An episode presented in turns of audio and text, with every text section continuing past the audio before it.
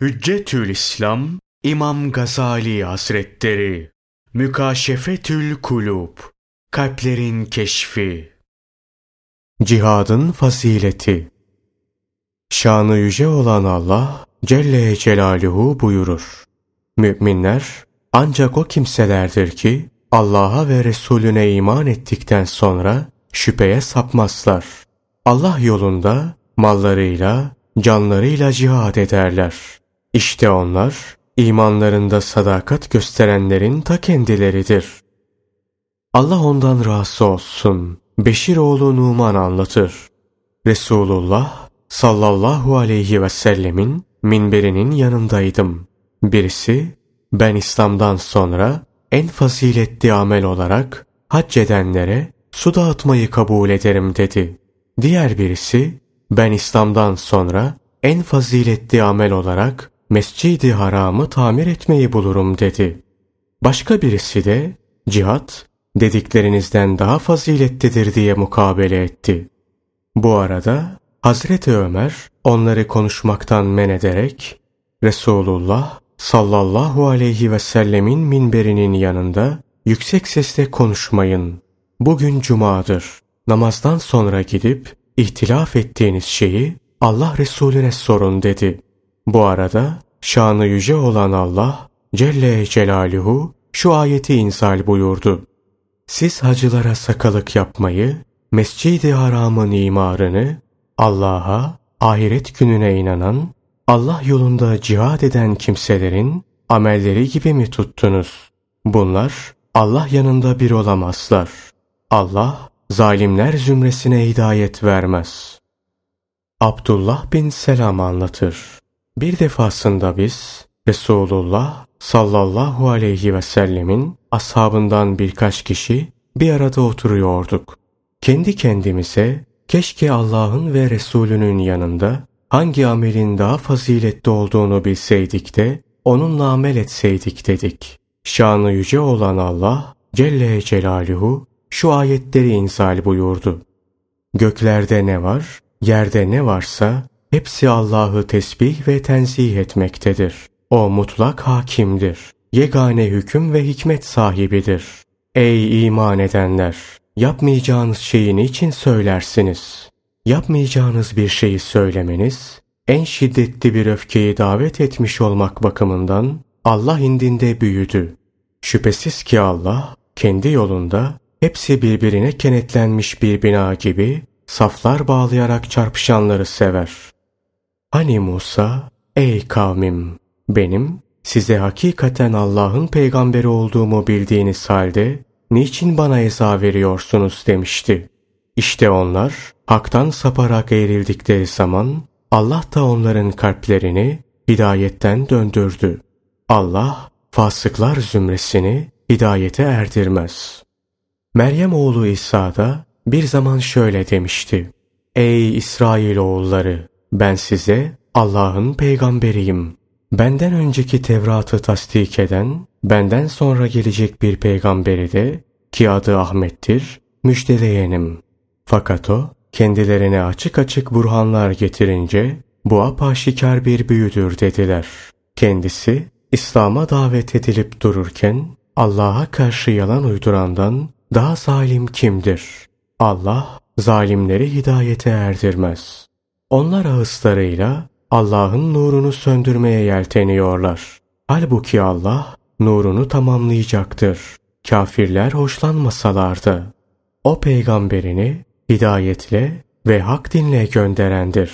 Çünkü o bunu diğer bütün dinlerden üstün kılacaktır. Putperestlerin hoşuna gitmese de.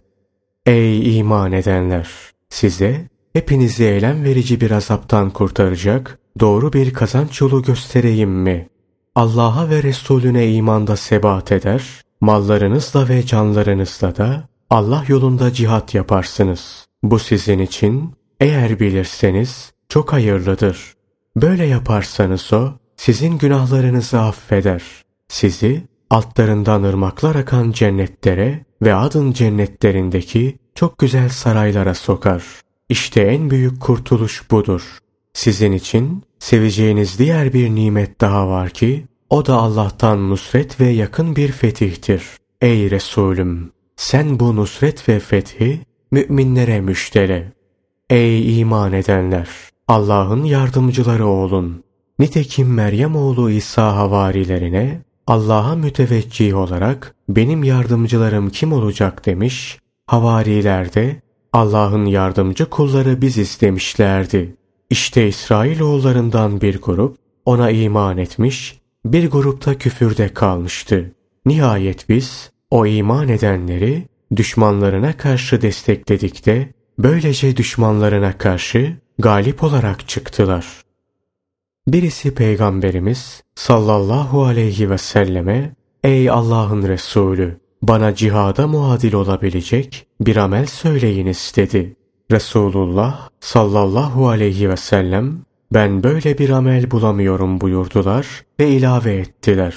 Sen mücahit cihada gittiği zaman mescide girip hiç fütur getirmeden namaz kılabilir ve hiç iftar etmeden oruç tutabilir misin? Adam dedi ki buna kimin gücü yeter? Allah ondan razı olsun. Ebu Hureyre anlatır. Bir ara Resulullah sallallahu aleyhi ve sellemin ashabından birisi içinde tatlı sulu bir pınar bulunan bir vadiye uğramıştı. Kendince şöyle düşündü. Keşke buradaki bütün insanlar çekilse de burada ibadetle meşgul olsam. Fakat gidip Resulullah sallallahu aleyhi ve selleme danışmalıyım. Gitti ve Resulullah sallallahu aleyhi ve selleme danıştı. Allah'ın Resulü sallallahu aleyhi ve sellem ona şu cevabı verdiler. Böyle yapma. Sizden birinin Allah yolunda bir cihada katılması, evinde yetmiş sene namaz kılmasından hayırlıdır. Allah'ın sizi mağfiret etmesini ve cennete koymasını istemiyor musunuz? Allah yolunda cihad ediniz. Kim Allah yolunda cihad ederse ona cennet vacip olur. Peygamber sallallahu aleyhi ve sellemin pak ashabı ibadetlerini yaptıkları ve güzel huylara sahip oldukları halde Allah Resulü sallallahu aleyhi ve sellem Allah yolunda cihadı terk edip kendi köşelerine çekilmelerine izin vermezse ya bize yaraşır mı köşemize çekilmek?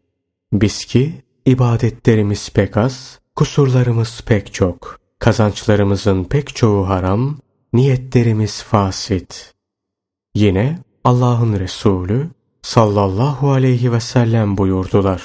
Allah yolunda cihad eden, oruç tutan, huşu ile namaz kılıp rükû eden, secde eden gibidir.